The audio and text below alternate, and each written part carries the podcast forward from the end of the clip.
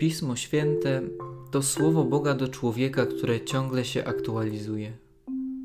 Pytanie postawione przez uczonego w piśmie nie jest jakimkolwiek pytaniem wynikającym ze zwyczajnej niewiedzy pytającego. To nieciekawość stanowi jego motywację. Znał odpowiedź na pytanie, które sam zadał, na co wskazuje późniejsza pochwała, jaką dał Jezusowi. Dlaczego zatem zapytał? Co go skłoniłoby je zadać Jezusowi?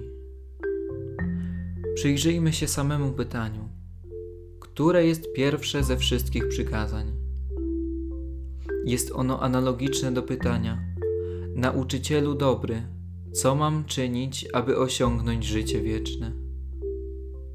Według ówczesnych Izraelitów wypełnienie przykazań było wkładem człowieka w zachowywanie przymierza, które Bóg zawarł z człowiekiem.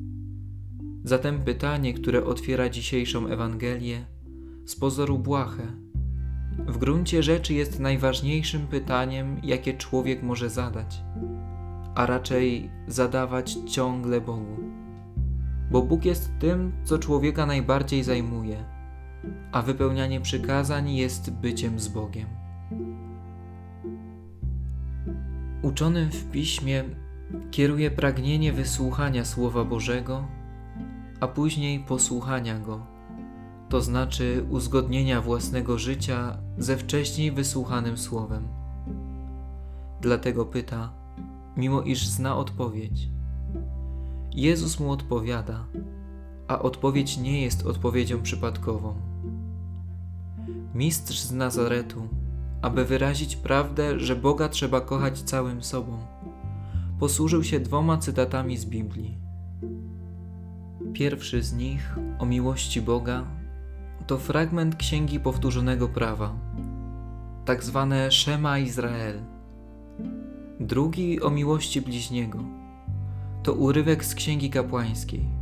Kiedy porównamy fragmenty z Księgi Powtórzonego Prawa z wersją przytoczoną przez Jezusa, zauważyć możemy drobną zmianę.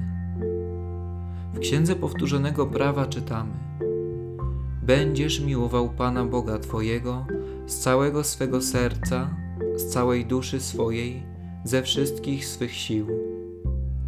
Z kolei Jezus w dzisiejszej Ewangelii mówi: Kochaj całym swoim sercem, całą swoją duszą, całym swoim umysłem i całą swoją mocą. Zauważmy, że Jezus dodaje słowo umysł, które to nie pojawia się w księdze powtórzonego prawa. Hebrajskie słowo serce w czasach, gdy pisana była Księga Powtórzonego Prawa, oznaczało siedlisko myśli i uczuć. Lecz w czasach Jezusa, pod wpływem helenizacji, serce przestało pełnić rolę, jaką pełniło w czasach Starego Testamentu. Siedliskiem myśli stał się umysł. Jezus aktualizuje zatem Słowo Boże – tak aby dać odpowiedź zrozumiałą dla pytającego.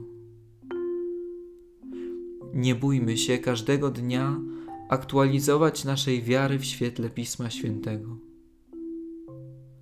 Co zrobisz dzisiaj?